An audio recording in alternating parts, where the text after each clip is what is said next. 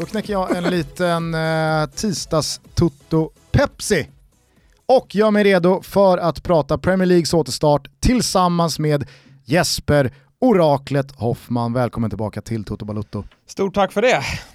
Vi spelar in det här måndag den 15 juni. Ni hör det här som tidigast tisdag den 16 juni. Jag och Tompa har haft en liten starkislunch här. ja. Mycket trevligt ja, mycket. i Stockholmssolen. Eh, Hoffman anslöt, höll sig dock eh, nykter. Ja, man ska hämta unga på förskolan sen va, då vill man ju gärna hålla sig hyfsat stabil. Du är en förebild. Jag är en förebild. Det är inte där jag. Ute. Du är ingen förebild. Nej. Nej men hur mår du Jesper? Eh, det här är ju Toto Balutto så att vi behöver inte skämmas över att vi ibland lämnar eh, Premier League-fokuset. AIK vann eh, premiären i söndags med 2-0 mot Örebro och eh, av eh, stämningen att döma på Kungstensgatan 26 den här måndag morgonen efter att ni hade spelat in eh, Testa Stör var att det svänger snabbt i AIK-leden. Ja men det är lite så. Jag, jag försökte innan jag klev in i studion försökte jag liksom sansa mig själv nu att försök inte att vara för glad nu. För nu kommer det tuffa spelschemat och vi kommer sitta här om en vecka och, och skrika avgå alla. Så att eh, jag tyckte att vi höll en hyfsad nivå men det var skönt med tre poäng och det såg faktiskt bättre ut än vad jag hade förväntat mig. Av alla individuella prestationer, är det någon du vill framhäva lite extra? Målvakten. Jakob Haugard, dansken som vi säger i, i diverse WhatsApp-trådar. Jag tyckte han, eh, äntligen har vi fått en stabil målvakt. Det är typ den första efter Ivan Torina, nu har han ju bara spelat en match, men eh, han gav ett, ett lugn. Jag driver ju en liten teori om att AIK för första gången på många, många år känns underskattade. Oh, håller med. Och sen så tycker jag att eh, Rickard Norling bygger det. Alltså man tänker på hur han pratar i intervjuer. Jag hade ju en längre intervju med honom i Studio AIK på Followers AIK tidigare i februari någonstans där, där han var väldigt liksom så här nedtonande av förväntningar inför säsongen. När eh, liksom många AIK går i förhoppningar om att vinna SM-guld så var han så här, alltså, gör Kolbeinn Sigthorsson en, en, ett mål så är jag nöjd. Alltså får vi det att funka någon gång under säsongen med den här nya spelmodellen, då är jag skitnöjd. Men alltså placeringar, resultat, det, det kan vi inte ha några förväntningar på det i, i, i 2020. Och nu har det dessutom då varit corona, man vet inte var liksom, lagen står.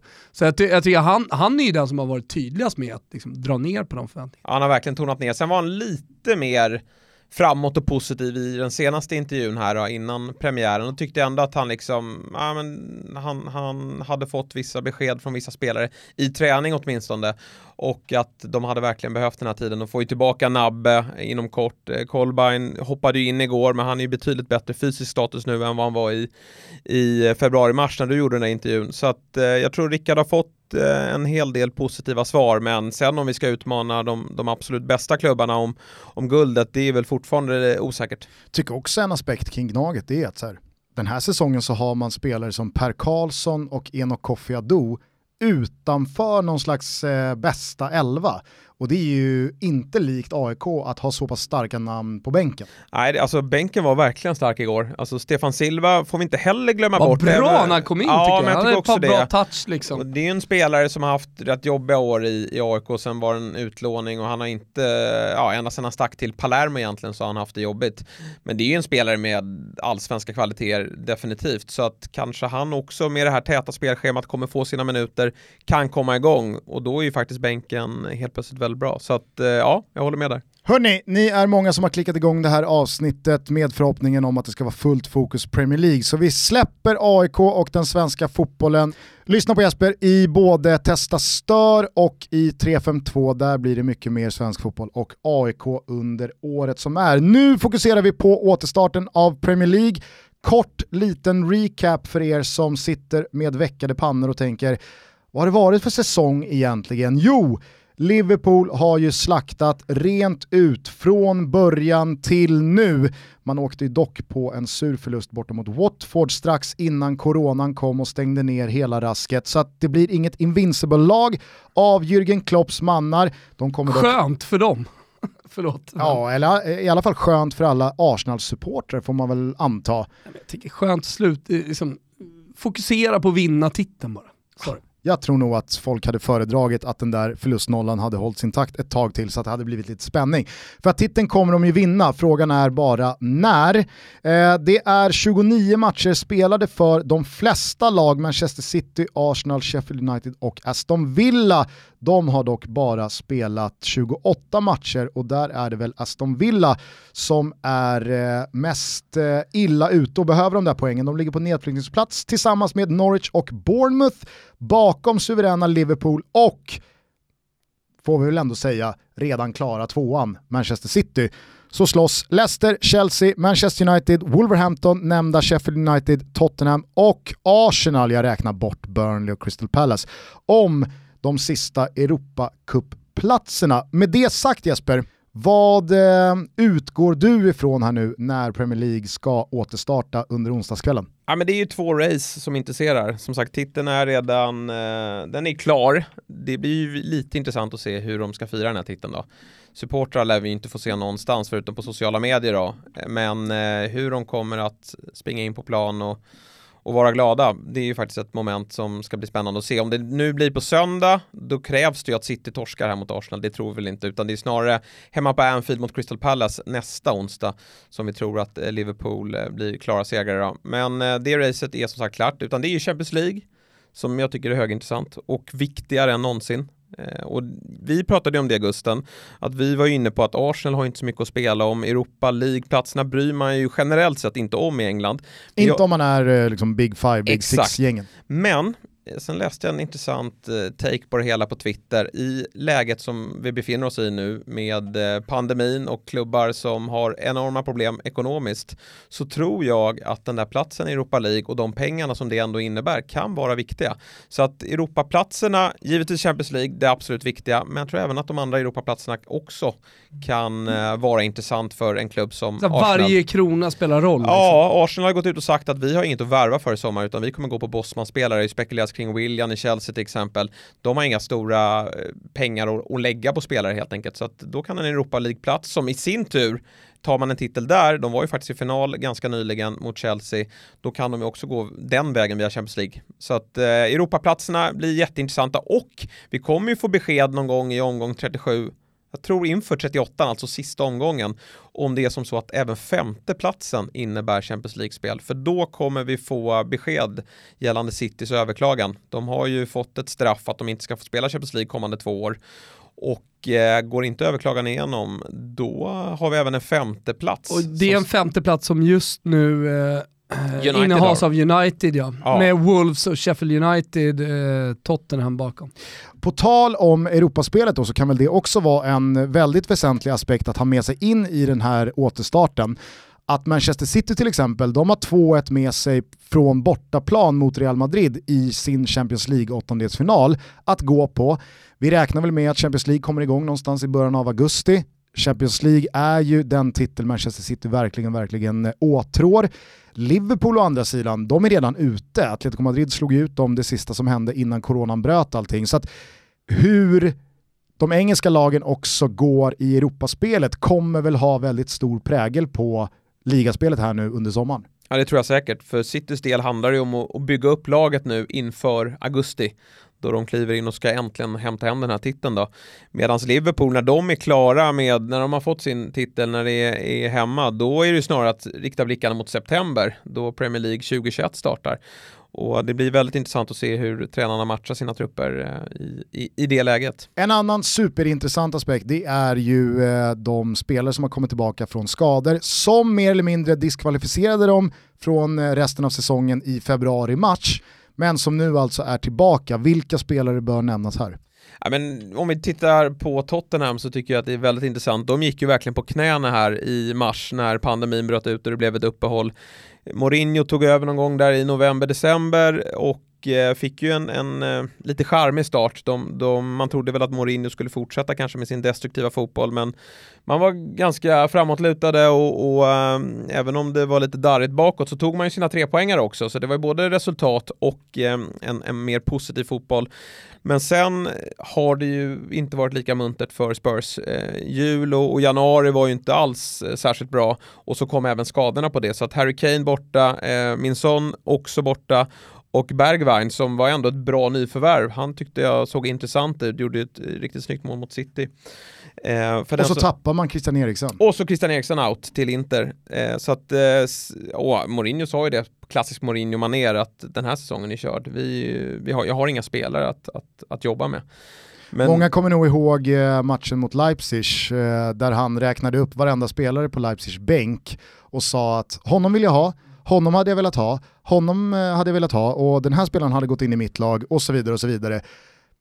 Som du är inne på, förmodligen ett sätt att distansera sig från existerande trupp sett till resultaten och svära sig fri från egen skuld. Ja men verkligen.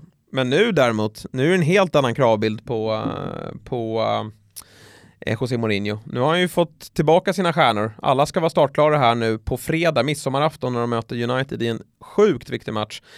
Och dessutom så har ju Mourinho fått implementera och jobba med sin spelidé. Visst, de har inte varit i träning jättelänge, men han har ju fått liksom sitta på, på sin kammare med Vad har sina... han för spelidé, Mourinho? Ja, det är en bra fråga. Alltså, så här, vi pratade om AIK inledningsvis då, man såg hur yttrar droppar och, eh, och mittbackar trycker upp och det är Atalanta-modeller. Alltså det finns ju vissa som är så tydliga spelidéer, kolla på Jürgen Klopp till exempel, ja men det är gegenpressing och allt vad det är. Men, men José Mourinho har man ju tappat lite i det där, vad är hans filosofi egentligen? Ja, det är en bra fråga, jag vet inte riktigt var vi har honom. Man minns honom ju från Chelsea då det var rappt och snabbt omställningsspel, då det bara, det bara small när man återerövrade bollen. Samma och, Inter då? Ja, Inter också, men eh, det såg man ju inte riktigt av i, i United, även om det kanske var det han ville åt. Får vi se då vad han eh, hittar på, för han har ju ett han har ju ett bättre material eh, för det i Spurs än vad han hade i United så att kanske att han hittar, hittar tillbaka till det men eh, ja, kluven. Står ju för den mindre vanliga bakåtlutade fotbollen. Ja, exakt. Bussen där bak och, och hoppas att det dyker upp några ytor. Men just motståndet här i första matchen, United, det är väl också ett sånt där lag som ska nämnas vad gäller spelare av hög klass som mm. har kommit tillbaka från skador. Ja men de får ju också tillbaka två superlirare i form av Marcus Rashford som jag tycker gjorde en, en fin höst, har tagit kliv och eh, siktade in sig på EM egentligen, men nu får det, får det bli PL istället då. Och sen då givetvis Paul Pogba som ska vara frisk här nu. Och eh, för, för hans del så, eh, nu handlar det ju lite om att eh, förut har det bara varit massa rykten och nu har vi klivit in i en, i en, i en ekonomisk kris i, efter, i sviterna av, av coronan och nu handlar det för honom att visa upp vem han är. Så att det är mycket... Ja men exakt, för eh, situationen för Paul Pogba är, är väldigt annorlunda jämfört med hur den var innan coronakrisen. Alltså, nu måste jag ju gå in, som de, dels det du säger, att visa vem man är, men för hans egen del och för hans egen karriär så handlar det ju om att faktiskt spela fotboll. Han måste spela matcher, om inte han spelar matcher, då tappar ju han i utveckling och, och det kan bli en situation där Paul Pogba är liksom, ja, men tappas bort lite grann. Ja men det har ju gått lite för lång tid nu av, mm. av svaga prestationer. Han har ju kunnat leva hela tiden på att han är viktig för det franska landslaget och hans prestationer i Juventus. Mm. Och sen har han kunnat bråka och vara skadad men alla har ändå pratat om Real Madrid, mm. att det, det, kommer ske en övergång. Men nu tror jag det faktiskt handlar lite om att eh, nu måste han bevisa någonting för att det är ingen som har råd med de pengarna han säkerligen kräver och som United kräver.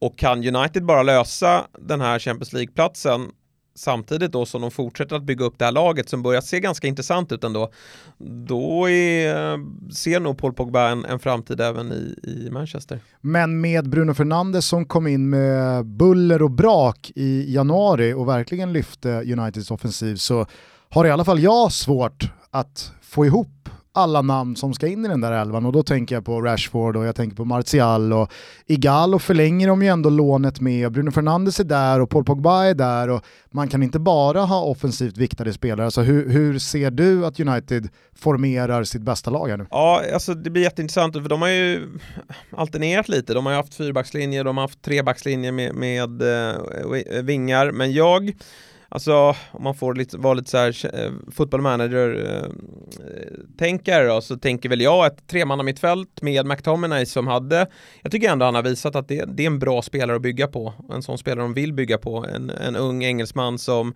har visat kvalitet. Sen har United varit som de har varit, så det, det har inte varit allt för lätt. Men kanske att han eller Matic, beroende på vilken, vilken nivå han når upp till här nu, i en, i en mer defensiv roll. Och sen att man har ett tillsammans då med eh, Fernandes och Pogba att de alternerar att vara en offensiv spets på det här mittfältet. Är det någon utanför McTominay och uh, Matic som jag tycker ska nämnas så är det väl Fred som också har gjort en, en, riktigt bra säsong. Ja men det håller jag med om. Han har också, och han kan ju spela lite i båda de positionerna men han funkar ju både, han är en tvåvägsspelare.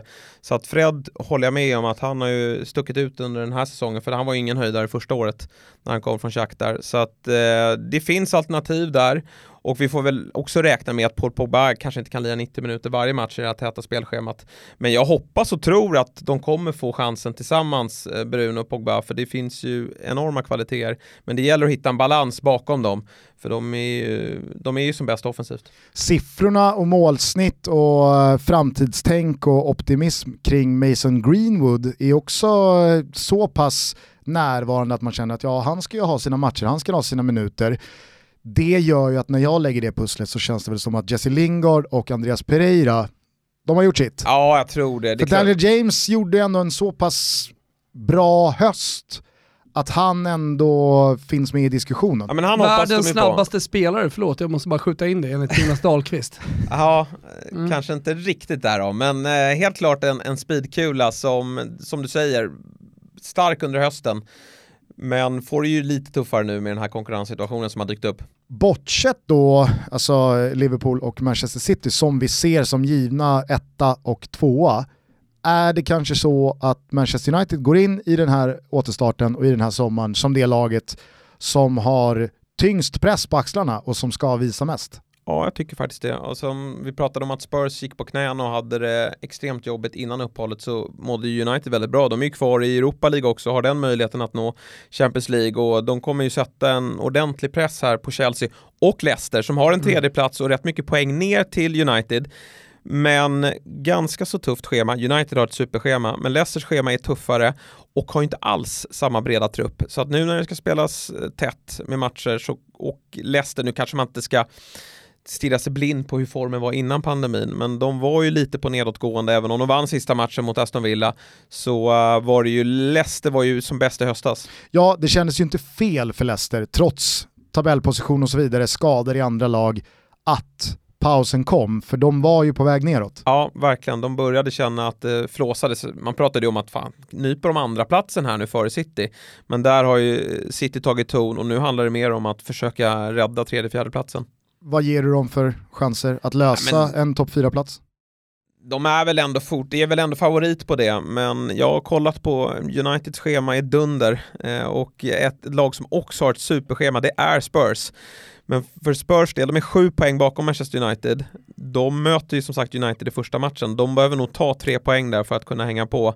Gör de det, då blir de också superfarliga.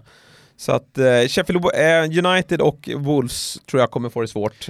Å andra sidan ska det väl sägas att det laget med kanske bäst schema är Wolves. Ja, och det var ju ett lag som, eh, jag menar alla under de senaste ett och ett halvt, två åren har sett kan slå vilket lag som helst. Mm. Nej men kollar man enbart schema, det är väl att man ständigt underskattar dem, men får de en, en bra start här på, på omstarten så kan de definitivt vara med och i synnerhet om det öppnas upp en femte plats. Ja, men underskattningen handlar ju också om hur man ser på de spelarna som är i klubben. Alltså de, har, de har ju lyckats hitta spelare som är underskattade. Alltså ta Raúl Jiménez som eh, går i bräschen för den ligan, men inte bara honom, Jota till exempel som har gjort en dundersäsong.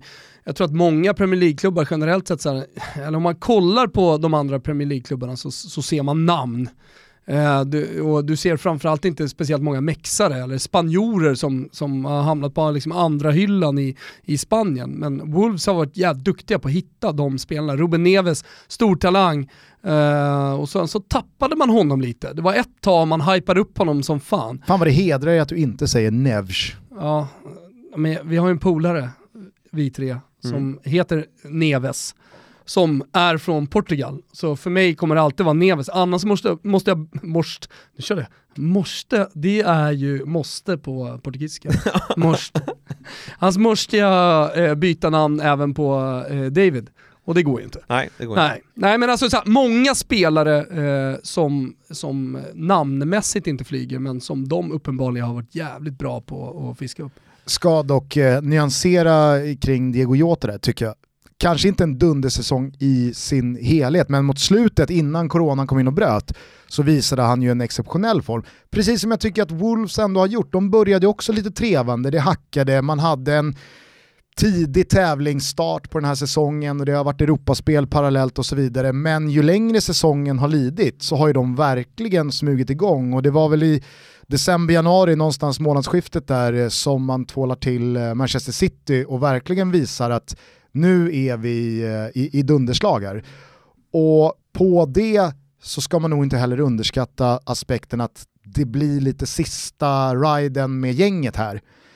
Jiménez har jag väldigt svårt att se bli kvar i Wolverhampton. Adama Traoré, samma sak där. Docherty, någon till säkert kommer lämna. Nuno, är han redo för större tränaruppdrag? Jag vet inte, jag, jag tror att hela den klubben andas hela vägen in i kaklet här nu så gör vi något stort. Ja, och något stort är ju också att kunna vinna Europa League och där tror jag verkligen också att de blir, blir farliga. Men eh, Ja, det blir jättekul att se Wolves här nu i, i omstarten och de går ju runt på väldigt få spelare, det är hans melodi. Han, han kör ju i stort sett samma lag hela tiden och vill inte ha för bred trupp utan han tror på att jobba med en tight och, och um, sammanhållen grupp så att uh, får se hur han grejar schemat. Var det som uh, Cutrone fick uh, lida ganska så ja, rejält definitivt. av? Det var en märklig värvning det. Ja, ja. Patrick Cutrone, Patrick Cutrone He loves the pista, he loves the pasta, it's fucking magic. All typ så det gick sånt, Något sånt. Rörig ramsa. Ja, ja, det är rörig och det är rörigt eh, utfört men uh, jag tog den ju på uppstuds också. Mm. Ja, det går inte att peta Raúl Jiménez. Det är ju en uh, Han är ju han är också mycket bättre än vad man, alltså även när han började göra mål och ass, mm. så tänkte man ja ja, Mm. Men det där kommer inte hålla i sig. Nej. Och sen har det bara hållit i sig, hållit i sig och vi är ju tre stycken som spelar fantasy. I slutändan så kan man liksom inte hålla sig borta från att ta in Raúl Jiménez. Nej, det är ett och, och det säger någonting om hans liksom, fotbollskunskaper, alltså honom som fotbollsspelare såklart också. Ja, och jag tror nog att det borde ha kommit in bud här i, det var ju många klubbar som, som behövde en nia här i januari, men Wolves har väl Vad har vi i Raúl Jiménez eh, om två år?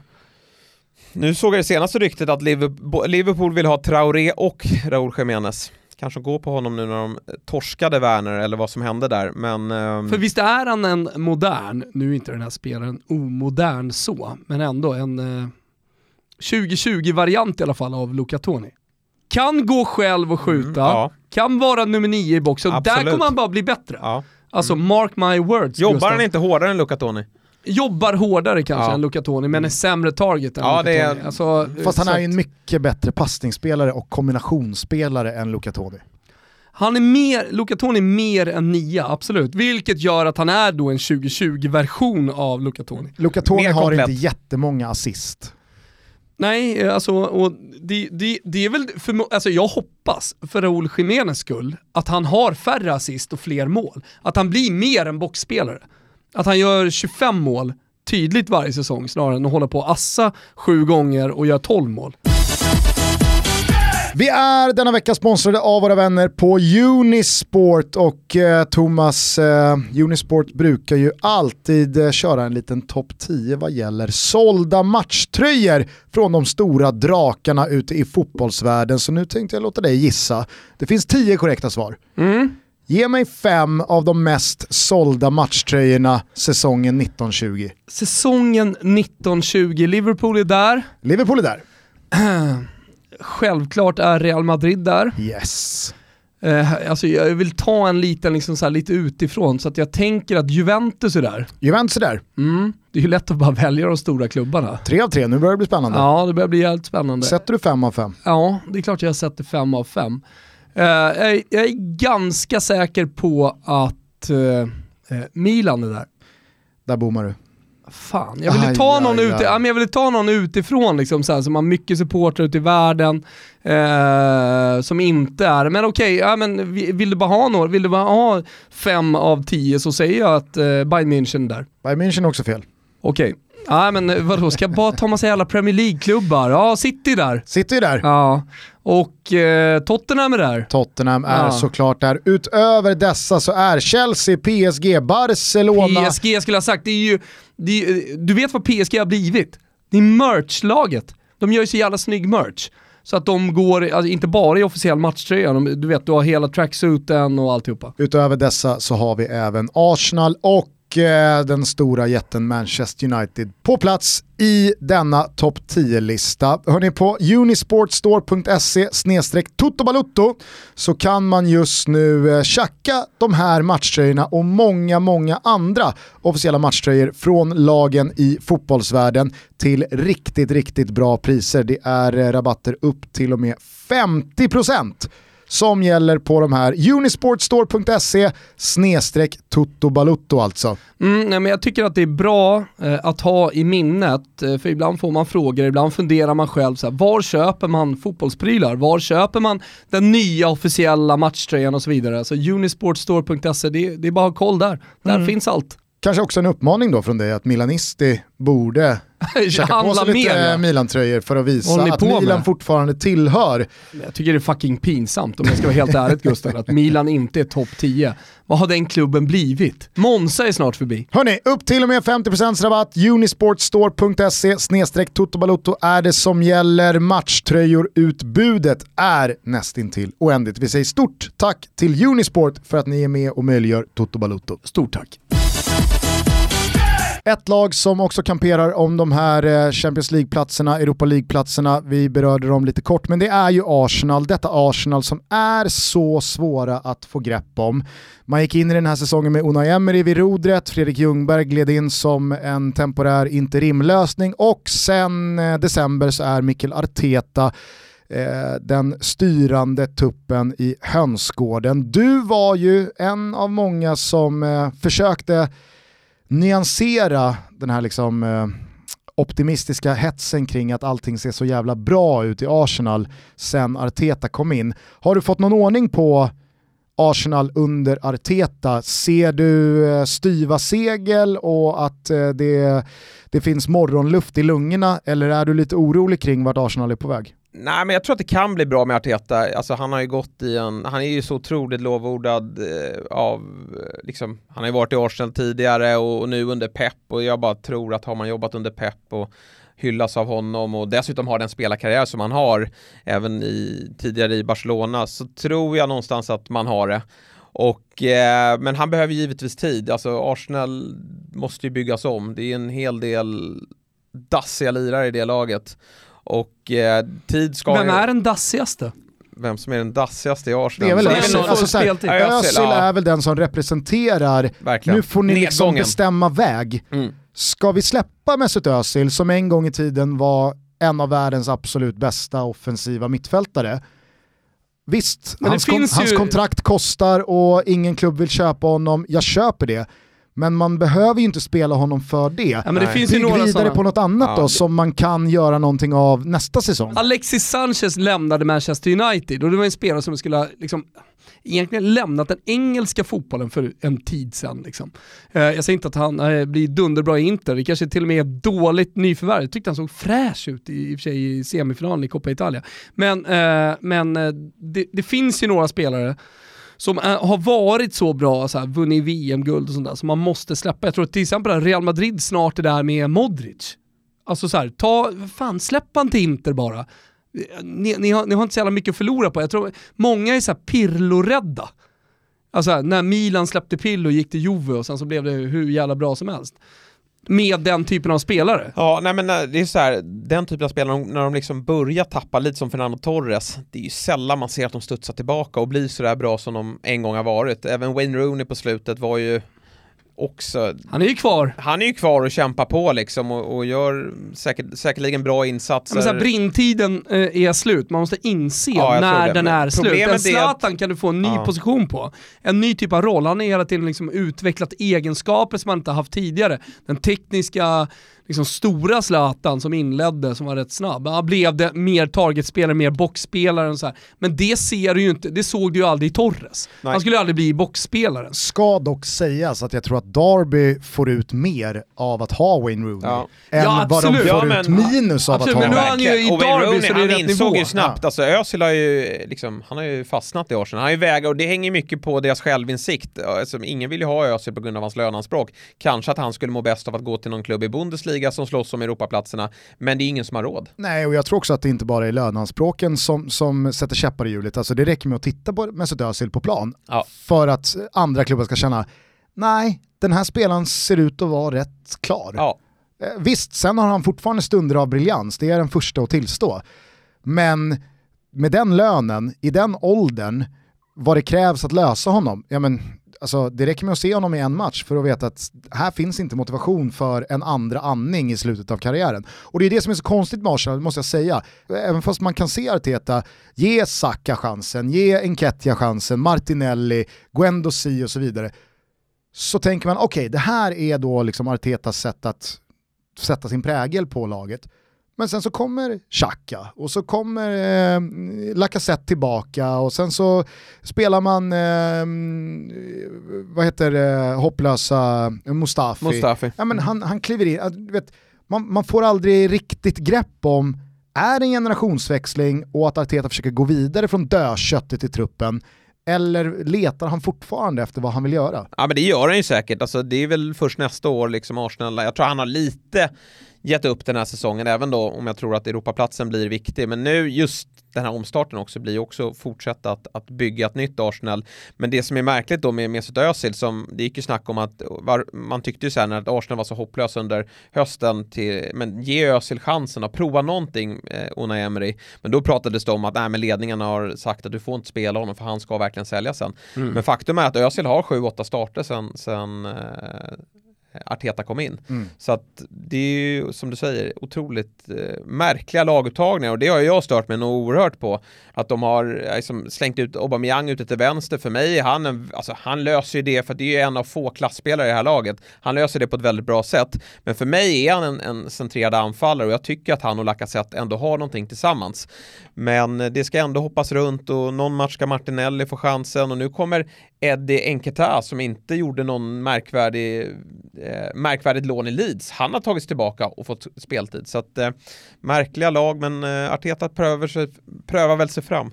Arsenal börjar om serien på nionde plats med 40 pinnar inspelade på 28 matcher. Det är så fruktansvärt uselt. Ja. 40 pinnar på 28 matcher. En match mindre då än de flesta konkurrenter. Sheffield United kan dock vid seger mot eh, Aston Villa gå upp på 46 poäng. Således eh, så är det ju hårt om eh, kampen kring den där femteplatsen om man börjar där för Arsenal. Håller du dem eh, fortfarande som någon slags favorit till att lösa Europaspel eller är det en bedrift ifall man gör det? Jag tror att de får det svårt för att vi har varit inne på de lagen som är där redan. Det är väl, man tycker väl att Sheffield United ska dala men de har sån jäkla energi i det här laget. Och eh, nu utan publik, jag tror att de fortsätter att bara vara ett fantastiskt bra lag. Så att, och vill, den här säsongen är så, kommer bli så, kunna bli så stor för dem så att jag tror de blir svårslagna. Mm. Jag tror inte man ska underskatta den eh, dimensionen av den här Premier League-sommaren.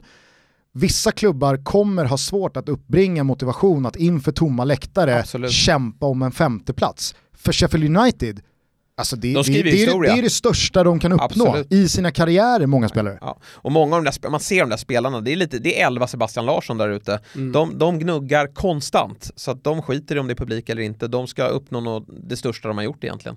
Eh, ska vi bara prata lite Liverpool då? Suveräna Liverpool som eh, vann varenda match eh, under hela hösten och eh, vintern. Man kommer såklart bli ligamästare, frågan är om det sker eh, redan i eh, första matchen eller andra matchen. Men det vi vet är att man inte har någonting annat att spela för förutom eh, den här ligabucklan. Och när den väl är säkrad, vad tror du händer då? Jag tror ändå det är dags för Klopp att rotera. Det har man väl pratat länge om att han borde rotera mer, men han, likt eh, Nuno då i Wolves, spelar ju väldigt mycket samma elva trots att man spelar på, på flera fronter. Det är ju ligacupen då han har offrat såklart.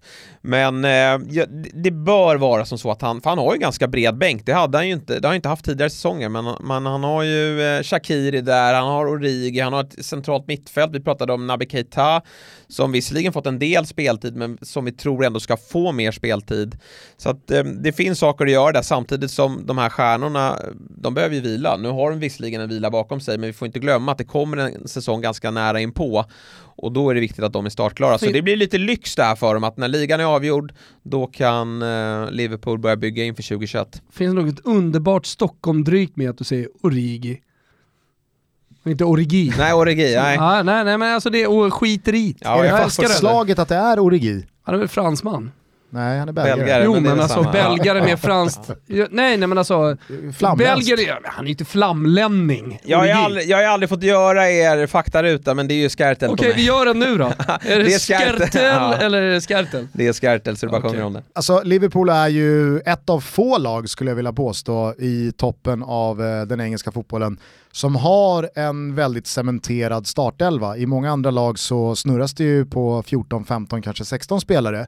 Men om vi tittar då framgent, vilka spelare hänger lite löst för eh, ja, 2021-säsongen och eh, framåt eh, i, i Klopps bygge tror du? Allison ska ju ingenstans. Nej, han ska ingenstans. Ytterbackarna ska ingenstans, Nej, men Dijk ska bredvid, ingenstans. bredvid van Dijk så ska väl Joe Gomez ta Matips Och det har han plats. väl ändå gjort tycker jag nu. Alltså, jag tycker Han har haft mycket skador han senaste året. mycket- sådär, ja, så att- men, men jag tycker sista månaderna innan pandemin, alltså Liverpool hade en fantastisk streak där när Matip gick sö- Ja, de hade ju en helt otrolig segerrad eh, oavsett, men, men eh, jo, jag tror de, var, jag vet inte hur många matcher i rad som de inte släppte in mål då när Gomes klev in i försvaret tillsammans Mm. med van Dijk och där får man ju känna lite att det är en ung engelsman som, som man hoppas mycket på och bara sätta honom bredvid, alltså alla mittbackar bredvid van Dijk blir ju på något sätt bra. Så att Gomes tror jag kommer, jag tror den där backlinjen kommer vara intakt ganska länge. Och sen så har man ett centralt mittfält med Jordan Henderson, med eh, Wijnaldum, med Fabinho, eh, utöver då städ och hjälpgumman eh, James Milner som kan spela lite överallt. Eh, framför dem så kan ju alla trion Mané, Salah, Firmino. Tror du att man löper risk att gå i den här klassiska fällan att ja, men ett lag som vinner Champions League och vinner ligatiteln är bra, varför ska man ändra på det? Den klassiska Mm. klyschan, man behöver inte ändra på ett vinnande lag. Men fotbollshistorien gör ju alltid gällande att man, man kan inte tuffa på hur länge som helst med samma lag. Det behövs en förändring, det behövs eh, en injektion av någonting. Vi, vilka tror du Klopp ändå sneglar på och tänker Alltså, att här, här kan vi förbättra oss? Först, ja, förbättra oss. Först och främst får vi se om han blir tvingad till att ta in någonting, för det kommer ju vara ännu mer i sommar ändå, tror jag, Real-rykten på Mané och Salah.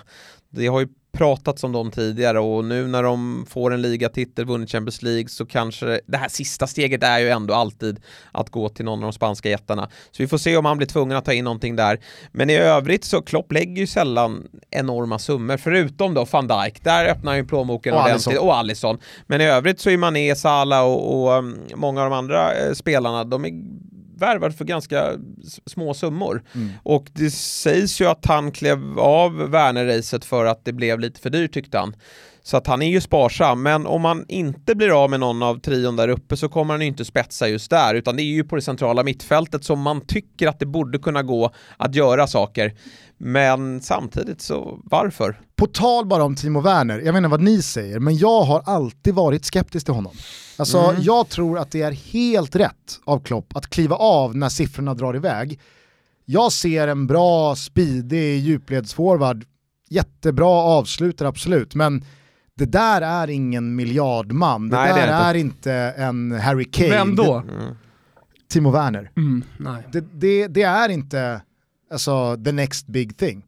Det är en fyr, det är en Thomas Müller i form av, kanske inte titlarna, alltså för att jag, jag, jag ger fem plus till Thomas Müllers karriär.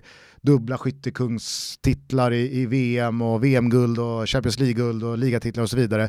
Men ni fattar vad jag menar när jag säger Thomas Müller, att egenskapsmässigt så finns inte den där edgen, så finns inte den där spetsen som gör att han tar Liverpool framåt. Det är en kanonspelare att ha i ett lag som Bayern München.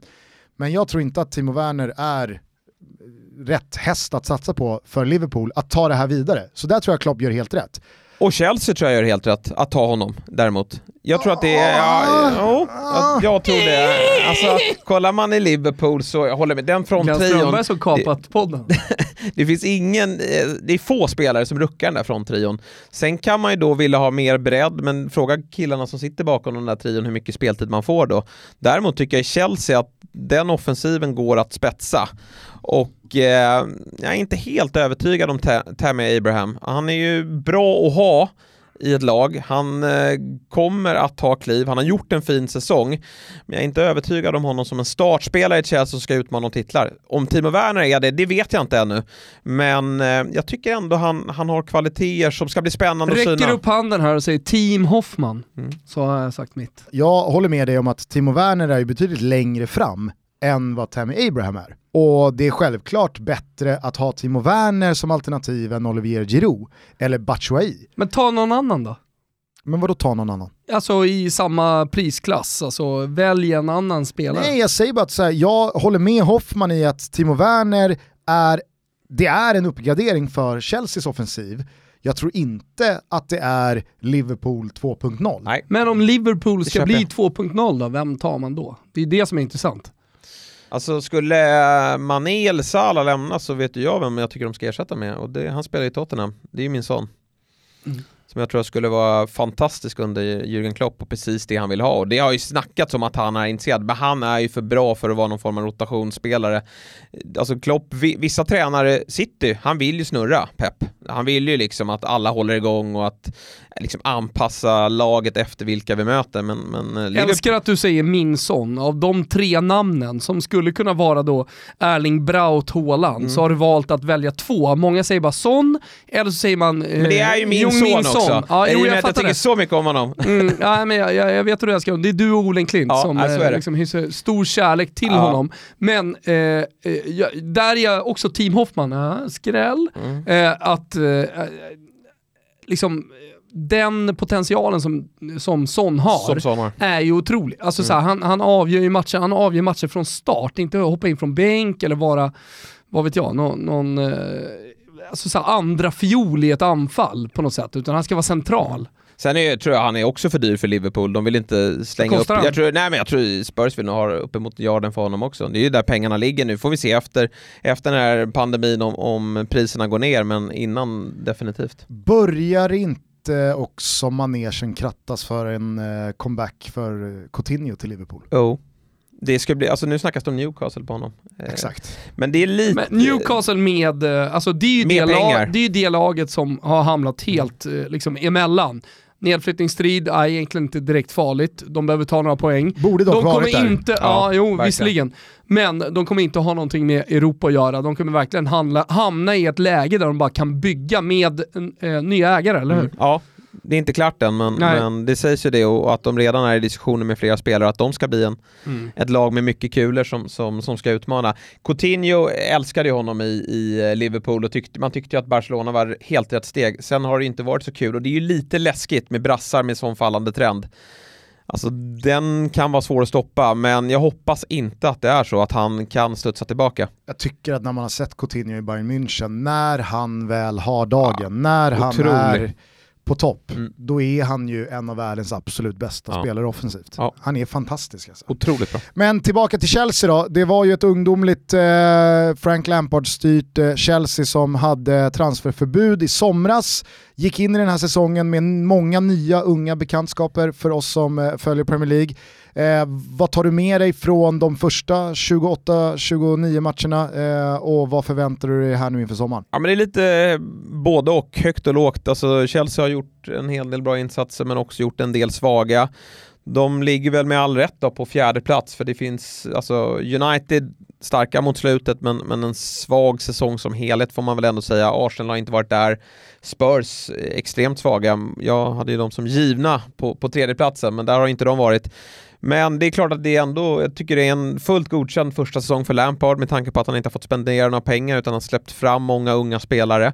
Så de bygger... Det var ju typ det han kunde göra också, Ja, ska ju exakt. sägas liksom. Men, ja, men men, men det, det, det behövs ju hanteras också och du behöver ju utveckla de här spelarna så att det inte blir skit. Och det har det inte blivit. Nej. Man får ju ge dem eh, klart Nej men, jag, nej godkänt, men liksom. absolut klart godkänt. Eh, Det, det, det säger jag. Nu är inte säsongen klar och de får ju behålla den där fjärde platsen för att det ska bli klart godkänt. Annars är det nog lite småsvagt. Men eh, de, det verkar ju hända grejer där i sommar också så att eh, de har ju lagt pengar på hög. Nu när andra klubbar kanske måste säljas så ska ju Chelsea gå ut och spendera. Där på Werner och så eh, vidare. Ja men på Werner och, och Ziyech är ju en supervärvning. Alltså där Mm. har de ju Mm. någonting superspännande och kanske då även Havertz som det spekuleras i att eh, Chelsea kommer att... eh, Werner och. Havertz från samma klubb va? Nej, Kai Havertz, Leverkusen och Werner Leipzig. Och, och det var det ändå jag sägas... som la ut bilden på de tre Stuttgart-spelarna ja, på Totos konto. Det var, det var Werner, eh, det var... Gnabberi va? Ja, just det. Eh, och eh, Joshua Kimmich. Exakt. Så, så att, mm. Kai Havertz var väl inte ens där. Nej. Eh, ska väl också sägas att det är helt uteslutet att Chelsea nyper både Timo Werner och Kai Havertz. Det finns ju inte. Ja, det sägs ju att det, att det ska gå att lösa Nej, här det nu. finns inte på kartan Nej, jag, kan jag säga. Jag trodde inte heller mina ögon, men det, när sådana här Tysk rykten Chelsea. börjar, när det är liksom, det blir bara trovärdigare och trovärdigare källor som rapporterar att Chelsea jagar honom, men det dyker nog säkert upp en hjärt, jätte som, som Men det är väl klart att för. man har parallella spår Mm. igång. Mm. Men det ena utesluter det andra. Jag hoppas det kan du ta Havertz- från mig. Jag hoppas att Havertz eh, spelar i Premier League i alla fall, det vore kul att se honom där. På tal om Chelsea och Tyskland så kan vi också ha med oss in i den här sommaren att Chelsea givetvis är eh, redan utslagna från Champions League. Man ligger under med 3-0 från första mötet på Stamford Bridge mot Bayern München. En match jag och Thomas var på plats och såg, det var en fullständig överkörning. Alltså Ja. det var sån klasskillnad så det liknade ingenting. Det var Mm. pojkar mot män. Det var fokus på annat på läktaren. Ja. Thomas såg inte lika många minuter av den Nej. matchen som, som jag gjorde. Men man måste väl ändå ge det till Chelsea och till Frank Lampard inte minst att här finns det ju en grund att stå på lite oavsett vad den här säsongen slutar med. Absolut, nej jag tror att... Kommer ju eh, dessutom tillbaka Loftus Cheek och vi såg ju Billy Gilmore slå igenom eh, på bred front eh, Verkligen. precis innan coronan kom. Och Tammy hade ju lite skadeproblem, Pulisic var också skadad, så de får ju också tillbaka lite spelare som, som är fräscha här nu inför omstarten. Spelare som Mason Mount fick ju också sitt Mm. stora genombrott i, Ja. i höstas, eh, vintras och så vidare. Så att, eh, ah, Behöver ju lösa målvaktsfrågan där bara, att de... Håller du med mig när jag säger att Kepa Arrizabalaga är kanske den sämsta värvningen som en topp 5-klubb gjort senaste fem åren? I förhållande till hur mycket man har betalat till vad man har fått ut. Ja. Vi väger in alla aspekter såklart. Jajamän. Ja, han är väl världens dyraste målvakt va? Ja, han slog väl Alisson eh, Mm. bara någon vecka efter att Liverpool hade Mm. gjort klart med honom. Och det har blivit lite olika utväxlingar på Ja. de värvningarna kan man ju konstatera. Verkligen, och där måste man ju bestämma sig. Antingen så släpper vi honom och då blir det billigt, eller så satsar vi på honom. Vi kan ju inte spela Willy Caballero här i, i, ehm, i kassen. Så att eh, jäkligt olyckligt för dem, för vi vet vikten, och det har ju Liverpool visat, att ha en riktigt, riktigt bra målvakt. Det om eh, topplagen va? Eller tycker du att vi har eh, glömt någonting att ha med sig in här i eh, omstarten vad gäller toppstriden? Nej, vi har väl täckt det bra. Det är väl att vi ska komma med ett sluttips då, men det kanske vi gör i slutet. Ja, exakt. Vi sparar det till slutet och vänder eh, tabellen upp och ner. Där är väl Norwich eh, hopplöst körda. I alla fall i min värld. Ja, det skulle jag säga. De, eh, jag vet inte vad de anser om, eh, eller ansåg när eh, pandemin bröt ut, om de tyckte att det kom lägligt, men de får väl bygga upp något sånt, att de känner att det här blir en omstart och att de får gå på knock direkt. Möter ju Southampton i, i återstarten här och där behöver de ju ha tre poäng, men det är många lag de ska ta sig förbi eh, och eh, det är ganska många poäng upp också. Det är väl sju, sex eller sju poäng upp till strecket och så ska de ta sig förbi två lag så att det blir Så svårt. mycket snack det var om Temo Pukki inledningsvis och liksom så här, fan nu jävlar, nu kör vi Norwich. Ja, nej, de fick ju Ja men de var ju inte flygande start för Ja, de, men, de, ja, men fick det ju smaka, här att man, de fick att smaka satt, mot Liverpool i premiären Ja. ganska ordentligt men de var ändå charmiga på något sätt och vågade Mm. stå upp för sin det det fotboll. menar. Och då tänkte man att de, de kommer bli bra hemma och så vann de ju mot City med, med typ halva laget borta och då kände man att det här är en fräsch och kul nykomling. Men sen har man ju dalat ordentligt. Sen eh, ovanför dem så är det som sagt Aston Villa på nedflyttningsplats, men med en match mindre spelad. Vinner man den så tar man faktiskt sig förbi hela tre lag. Bournemouth, Watford och West Ham står alla på 27 poäng, Aston Villa 25. Där ovanför finns Graham Potters Brighton på 29 och där drar vi väl någonstans strecket. Southampton ska inte behöva blanda sig i det här, eh, inte heller Newcastle som vi varit inne på. Eh, av de här lagen då, vilka, vilka tror du eh, ligger mest pyrt till? Jag tror Brighton får jobbet alltså. Tufft spelschema, eh, svag trupp och Potters sätt att spela fotboll Ja, vi har ju skärmats av det i, i Sverige, han har ju verkligen lyckats eh, med det, men eh, du behöver ett bättre material i, i världens mest Också i förhållande till de andra lagen. Liksom. Så, ja. För det, det han hade har ju visat sig med Sotte och med Ghoddos och med alla. Det var ju bra det, det scouting dunder, där. Ja exakt, ja. jättebra scouting. Ja, men ska du liksom hävda dig i världens största liga så uh, måste, och spela den typen av fotboll över tid, 38 omgångar, så tätt, då måste du ha bättre material. Och det har eh, inte Graham Potter. Så att skulle han greja kontraktet är det imponerande. Vi har ju också drivit en konspirationsteori här senaste tiden om att Brighton tillhör de här lagen runt om i Europa som har börjat ropa efter att blåsa av ligan. Absolut. Det finns positiva covid-19-test i truppen Jajamän. och så vidare. Lägg ner det här, det är inte rättvist. Och att det då handlar om att man vet hur illa till man ligger mm. rent sportsligt. Att det är bättre att köpa sig en, en till säsong efter sommaren. Mm. Svintufft schema som de ska ta sig an här mot slutet. Så att eh, ja, jag förstår varför de har börjat eh, prata om, om eh, att lägga ner ligan. Saknas ju också en målskytt där. Jag menar mm. visst, nu, nu har vi redan pratat om Temo Pukki och det behöver ju då inte nödvändigtvis betyda att man klarar kontraktet. Norwich kommer åka ur, även fast man har en spelare som gör 10 plus, han kanske landar på 13-14 mål. Men det är väl där Brightons eh, stora akilleshäl varit också, att man kan hålla i den där bollen och spela jättefint mm. passningsspel och, och, och, kombinera sig fram, men det finns ingen som sätter de där målen. Mopey, eller vem det nu än Glelle är. Murray. Glelle Murray, ah, det, det, det, flyger kanske i Championship, men, men man behöver en spelare som gör närmare 15 mål i botten om man med ett sånt skralt material ska lösa en plats som genererar ett nytt kontrakt. Ja, det är väl de och Norwich tror jag som har minst budget, eller lagt ner minst pengar på spelartruppen och det brukar ju synas efter 38 omgångar i en Premier League-tabell. Så att nu har de ju visserligen, de är väl, har väl flest poäng av de här sex lagen där nere, men det är ändå nio omgångar kvar och jämför man scheman så har Brighton tuffast tänkbara. Så att, eh, jag tror att de eh, får jobbet. Så om vi då skickar ut eh, Norwich och Brighton så finns det ett lag till som ska få lämna.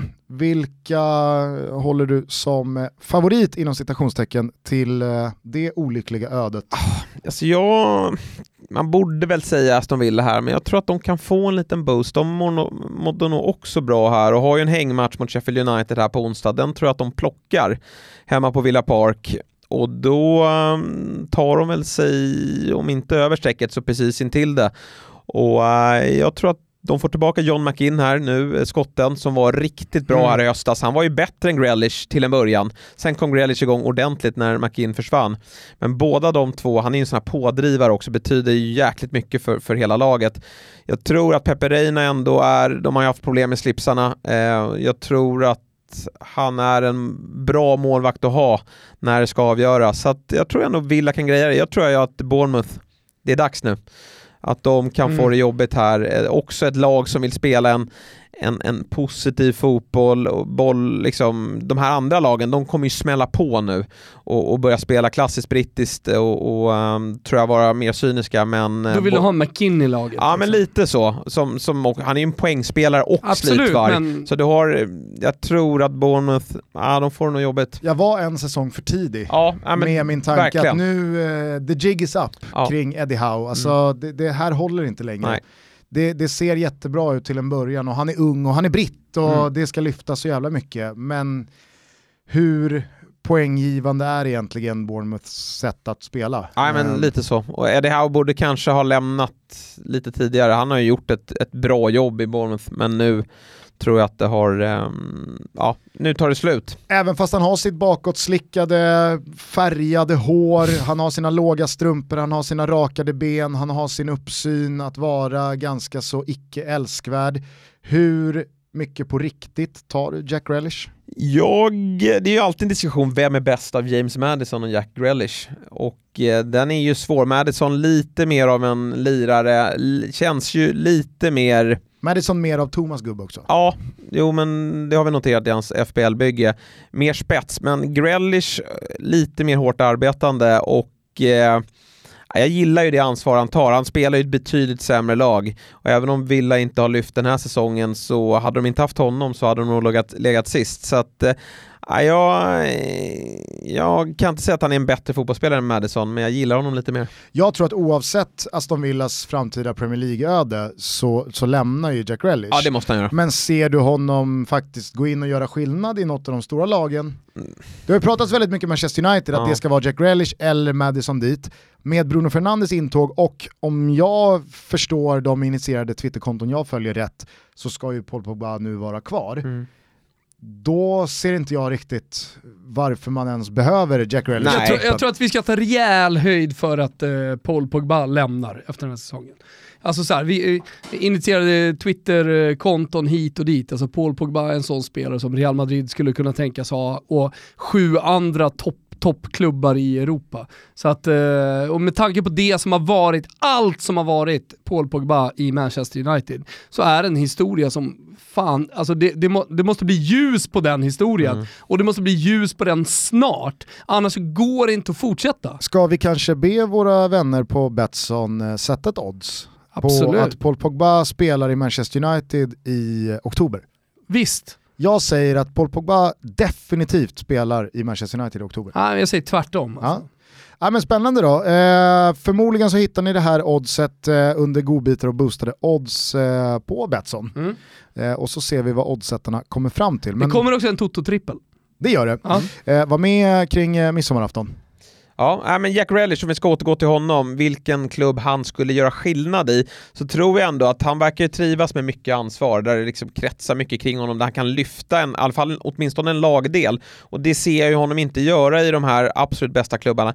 Men kanske en klubb som Arsenal då? Jag, jag tycker att de skulle behöva få in en sån typ av, av mittfältare som eh, ja, men driver på, eh, gör skillnad, för det gör ju inte Özil längre och eh, ja, men håller eh, liksom, generellt sett en, en, en hög nivå. Jag tänker också att om man nu har tappat Christian Eriksen, Mm. Heung-Min Son lämnar, Mm.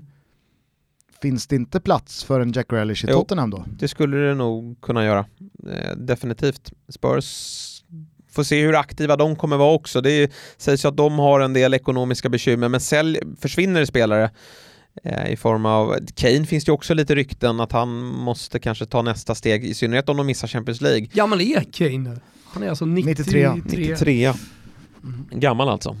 Sjukt nog. Ah, Nej ja, då, men alltså, han eh, man, eh, ska i alla fall fundera på hur han vill summera sin fotbollskarriär. Eh, Vill, vill han summera den som Spurs-spelare? Ja. För att jag menar så om tre år, ja, då, då kommer liksom karriären summera Spurs. Ja. Och sen kanske någonting annat. Men går han nu, då kommer, den, eh, liksom, ja, men då kommer det kunna Ja, hända annat. Och, och Alltså- Det ska bli väldigt spännande att se Kane här nu när Mm. han kommer tillbaka, för både jag och Gusten är ju stora Harry Kane-fan, Vi- alltså, han har gjort väldigt mycket bra, men det är lite läskig trend på honom. Kanske att det hänger ihop med Spurs, också den här stökiga skadan, eh, han drar alltid på sig någon form av fotledsskada, men nu, nu var det baksida lår här som var ganska illa däran, så jag hoppas att han eh, liksom inte går ner med Torres och, och Sanchez och, och gubbarna utan att han tar fart igen. Kane är ju också, om vi pratar så här one club man-grejen och Mm. potential att bli en legendar. Lämnar han inte inom två år så ska han ju absolut inte heller lämna. Nej. Då, då är det ju Ja, då är det det är det lika bra, då är det, alltså, han ska ju lämna nu, Mm. eller så behöver han inte lämna alls för att det är helt onödigt för honom att gå till United eller Real Madrid eller vilka som nu kan tänkas Mm. plocka honom när han är 29, 30. Då tror jag ändå att det finns Framförallt 30 någonting plus. fotbollsromantiskt att ja, men stanna då och bara ha representerat Tottenham och, och vara liksom från, från start till mål eh, Spurs. Det, det, det Vore- hoppas jag. Ja, verkligen. Det vore ju svinfett. Det är ju, eh, han är enormt omtyckt där, så att eh, jag håller med om de där två åren. Och det är väl egentligen bara United och Real som är realistiska Ja, alternativ. Och frågan är om inte han har fallit bort lite för Real med tanke då på Haaland, Mbappé, eh, att de mer intresserar Real. Problemet är ju såhär, när, när intresset från de största klubbarna som aspirerar på Champions League-titlar liksom kommer, nu var Tottenham där i en final och visst, men de kommer inte komma dit igen, ursäkta alla Spurs-fans. Nej men så är det ju. Ja. Så jag menar så här, det, han hamnar ju i det här Batistuta-läget som han var i Fiorentina. Alltså, ska jag vara kvar här? One Club, jag älskar den här klubben, men jag kommer inte vinna ett Nej. piss. För de hade en chans, precis som Tottenham hade en chans att vinna Premier League. Jag kommer inte vinna någonting. Eh, eller ska jag gå då till eh, en klubb som faktiskt kan vinna? Sen i Batistutas fall så handlar det helt mycket om liksom var Fiorentina i, slutändan hamnade ekonomiskt och så vidare. Men, men ändå, eh, Totti är ett kanske ännu bättre exempel på en spelare som liksom valde att vara one club man, men eh, som hade då anbud från de allra största och hade kunnat summera sin karriär. Och jag säger så här, jag håller med er, romantiskt, jättefint, alltså fan, all cred till, eh, till Harry Kane som stannar i Spurs. Men han är inte född och uppvuxen i Testaccio. Alltså så här, han, han, är, han, han är inte... Han, han, han har samma London Spurs-koppling som eh, Francesco Totti hade eh, i, liksom, i, i Roma. Ändå otroligt Men, att Batistuta lyckades liksom lämna Fio för Roma, vinna den där ligatiteln och bli älskad post karriären i båda lägren. Ja, ja, framförallt så är det ju märkligt att han är så pass älskad i Roma. Det är inte märkligt, man förstår ju i och med att ni inte heller vinner några jävla titlar. Eh, och ni vann er första titel på länge och Jag så säger vidare. bara att maxutdelning Absolut. på ett sånt beslut. Så är det ju. Han brände ju inga broar. Nej, Va- Van Persie blev ju inte det. Mallen säger vad det gäller det där. Hatade båda läger. Ja, men exakt, Han fick dock sin titel. han men... fick sin titel men Ja. det är inte jättemånga United-supportrar som liksom, åh fan Persie, Nej. det är min gubbe. Sen är han ju holländare. Ja, jo, Mm. det kanske spelar in. Eh, nej, men eh, det återstår väl att se var Harry Kanes eh, framtid efter den här säsongen tar vägen. Eh, då summerar jag, tycker jag, Jesper, som så att du tror att eh, tillsammans med Norwich och eh, Brighton så får då Bournemouth Ja. ge upp sin eh, Premier League-status. Ja, Watford är för Watford bra. har ju för många Ja. bra spelare på en individuell nivå Ja. för att inte lösa det där. De ska fixa det där. Och- Så Troy Deeney är ju allt det Glenn Murray inte är. Nej men verkligen. Han, han är väl inte jätteomtyckt i min bok, men jag, jag, jag, vet, jag kan hans kvaliteter och eh, han kommer ju älska det här nu när det, liksom, när det blir stenhårt kring, kring, eh, kring strecket. Av de liksom eh, icke-intressanta rent eh, resultatmässiga lag som vi inte har pratat om, Burnley, Crystal Palace, Everton, Newcastle, Southampton, är det någon spelare som du bär med dig från eh, säsongen som varit ändå? Ja men det får ju bli Danny Ings. Eh, vi drev ju, alltså det är ju Wilbacher som kom till fan-tv-studion och, eh, eller det får man inte säga, Dob- Dobb-studion, jag lär mig inte det där, trots att jag är en stor del av det. Men Dobb-studion och eh, Wilbacher målade ju eh, ut att eh, Danny Ings, det här blir hans säsong och som det blev, vilken säsong han gjorde och jag drev ju på att han skulle till EM här i sommar och frågan är om det inte hade blivit så, om det inte vore för den här pandemin. Det är lite Englands Sebastian Andersson. Ja, verkligen. Bra, Alltså, bra han, gör, han gör en säsong som han målmässigt förmodligen inte kommer upprepa. Det kommer hinna gå så pass lång tid att andra spelare i samma position med samma konkurrens kommer liksom ta sig före, han kommer svalna lite och så blev det aldrig det där mästerskapet som Nej. skulle eventuellt då ha gjort hans karriär. Verkligen, det är långt till, till nästa mästerskap. Det är ett helt år till som han ska prestera och med tanke på hans skadehistorik så är det inte alls säkert att det blir så. Plus att eh, England har massa unga killar. Alltså Tammy Rashford kommer ju vara ett år bättre så att eh, lägg då till Harry Kane och, och Sterling och Sancho och allt vad de heter där framme så blir det jobbigt för honom att ta sig dit. Och var det är väl borta i diskussionen för att han inte vill vara där men det kommer väl alltid spekuleras kring honom också. Va? Tompen, starkislunch med grogg. Ändå hittar man att eh, Danny Ings är Englands Sebastian Andersson. Mm. Du känner en djup vördnad kring mig där. Mm. Det gör jag. Det gör jag ofta. Toppen då Hoffman, hur fan slutar det här? Liverpool vinner såklart, City kommer tvåa. City kommer tvåa, sen säger jag Manchester United trea. Okej, de äter i kapp åtta Ja. pinnar på Leicester. Ja, tror det. Mm. Jag tror Leicester kommer uh, få det United jobbigt. går rent. Ja men alltså de behöver ta sig förbi Spurs här på, eh, på fredag. Och när de gör det så är det, som vi säger i FBL-sammanhang, grönt schema. Alltså det är väldigt eh, svaga lag. Jag tror dock att de har Leicester i sista. Tror jag Un- United har. Och där har eh, seglar de eh, förbi. En dimension jag aldrig underskattar, det är att eh, klassanfallare jagar skytteligatitlar. Det har de poäng. Och där är ju Jamie Vardy i eh, förarsätet. Mm. Han står på 19 gjorda, har eh, två mål ner till Aubameyang på andra platsen. Alltså jag tror att Jamie Vardy vet att det här är sista chansen. Ja, men sen är det också så här, laget spelar för hans skytteligatitel när man är, ja, hamnar i ett läge där kanske de är klara Champions jo, League. Fast, fast, det kommer ju inte ske. Alltså Leicester Nej. kommer ju inte hamna i ett läge där de, där de är klara för Champions League med ett par matcher kvar Visst. av serien. Det, det, det vägrar jag att tro. Så att laget kommer såklart spela för poängen. Men då Men faller Jamie ju din poäng kom, lite. Jamie Ward, nej. Alltså, både och. Visst, jag förstår vad du menar. Det är inte Risto Stoichkov som bara jagar en skytteligatitel på ett individuellt plan och skiter i hur det går för Bulgarien. Men jag tror att när Jamie Vardy väl har kon på den där skytteligatiteln, som han inte vann förut, så är han nog jävligt fokuserad på att sätta mm. de där bollarna. Men det kan ju snarare bli som det för Kolbein eftersom vi inledde det här avsnittet med att prata om AIK. Så liksom när Kolbein kommer in, det enda han vill göra är att göra mål. Han ja. skiter i om han liksom tre spelare och, och frispela. Han skjuter ändå själv. Jag mm. menar så här, det, det det hade ju varit en sak stå, om absolut. teorin var underbyggd med att Leicester inte har så mycket att spela för, så laget kommer ändå spela för hans ligatitel. Mm. Men nu när det bara handlar om att han ska ta en ligatitel, samtidigt som ja, skytteligatitel. Eh, samtidigt som liksom, ja, men laget kommer ju också ha motivation. Mm. Då, äh, jag vet inte. Eh, alltså jag, tror de, jag tror de tar fjärdeplatsen, Leicester i alla fall. Mm. Eh, och eh, sen har vi väl Chelsea då på, på femte plats. Får vi se om det innebär Champions League. Och då har vi då Wolves, Sheffield United, Tottenham och Arsenal där bakom. I vilken fallande ordning dör säsongen först? Jag tror att säsongen dör rätt snabbt ändå för Arsenal.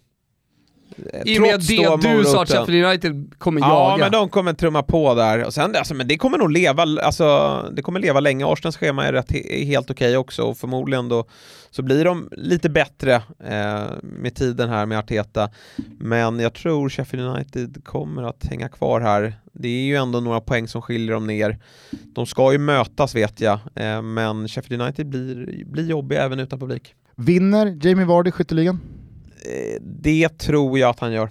Det är han som gör målen i Leicester. Kan väl nämna då att bakom Aubameyang på 17 så har vi Salah, Agüero på 16, Danny Ings 15, Mané, Rashford 14, Raúl Jiménez och Tammy Abraham och Dominic Calvert-Lewin eh, på 13. Varför jag, varför jag, gick upp i eh, tonläge där, gick upp någon oktav på Calvert Lewin, det var väl att det är en sån här spelare av de här lagen som har hamnat i ett ingenmansland som man kanske ändå ska nämna. Mm efter eh, den första delen av den här säsongen som ändå en anfallare som tog nästa steg. Ja, verkligen. Fin säsong på honom och blev lite, ännu bättre under Ancelotti tycker jag.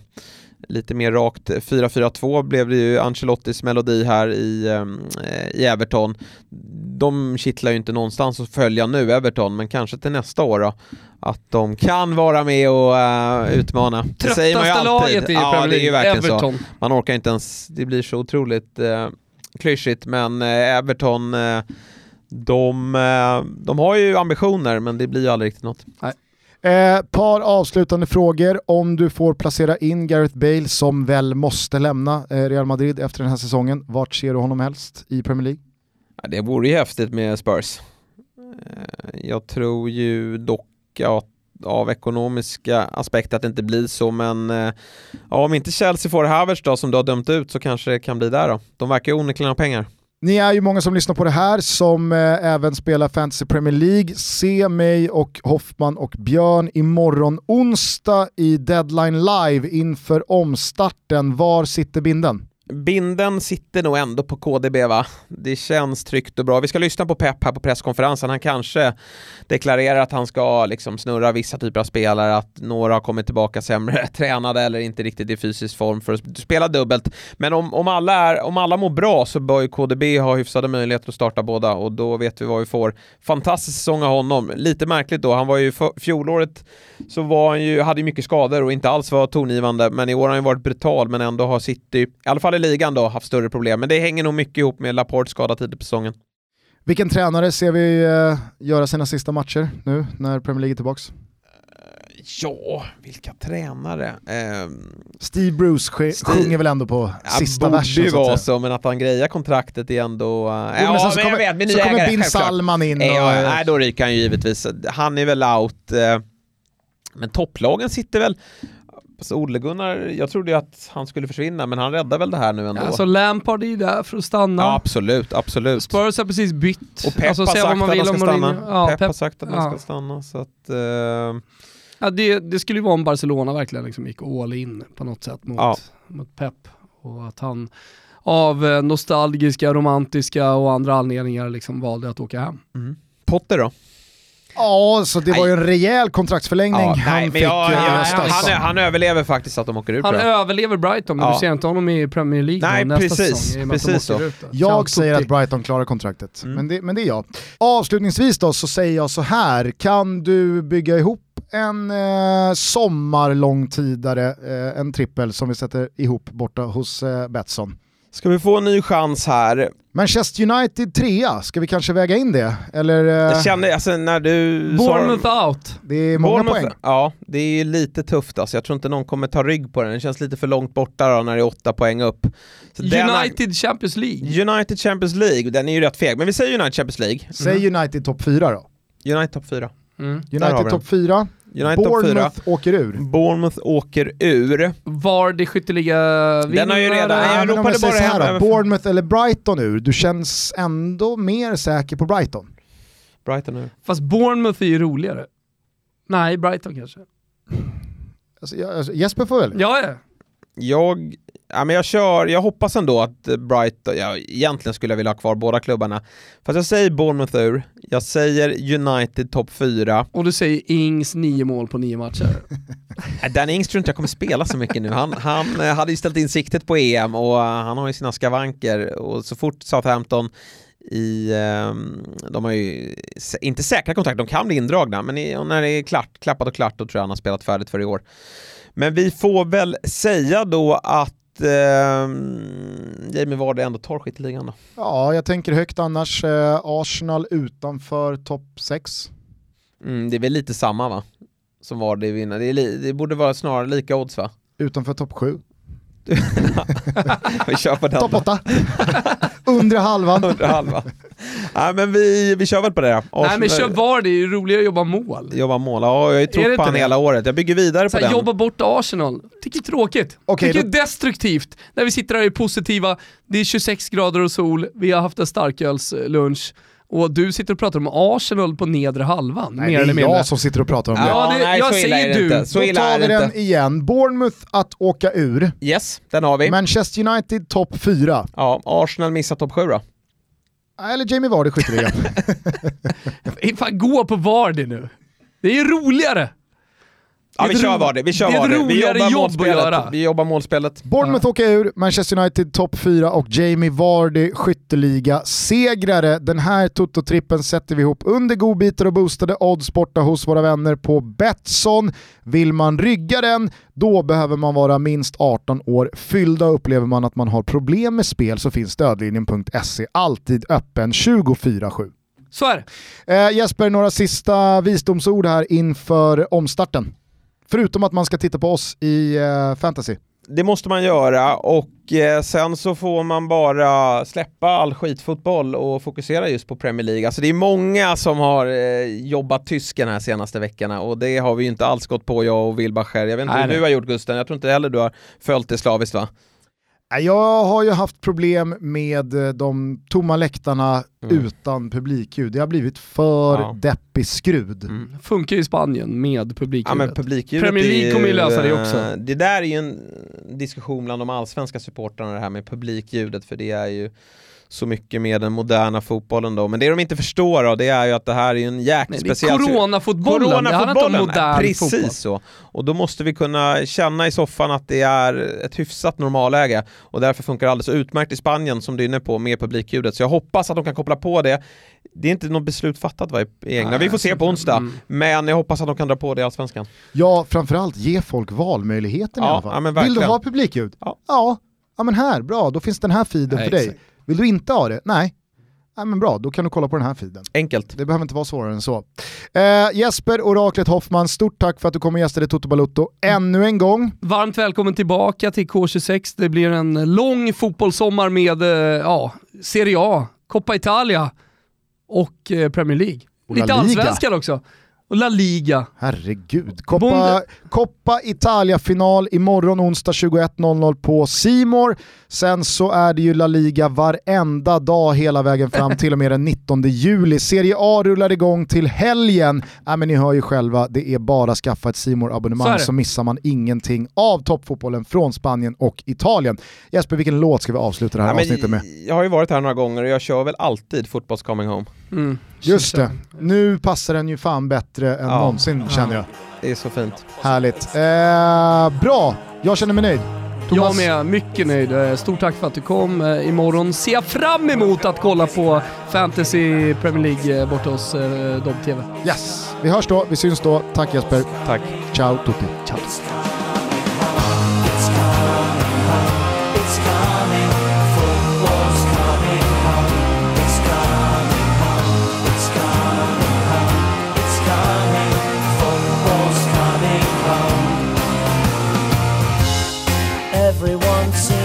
Know the score.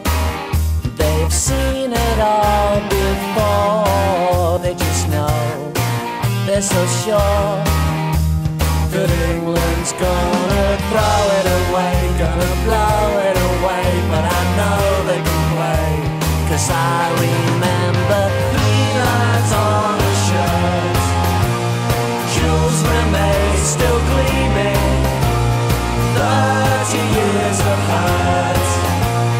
never stop.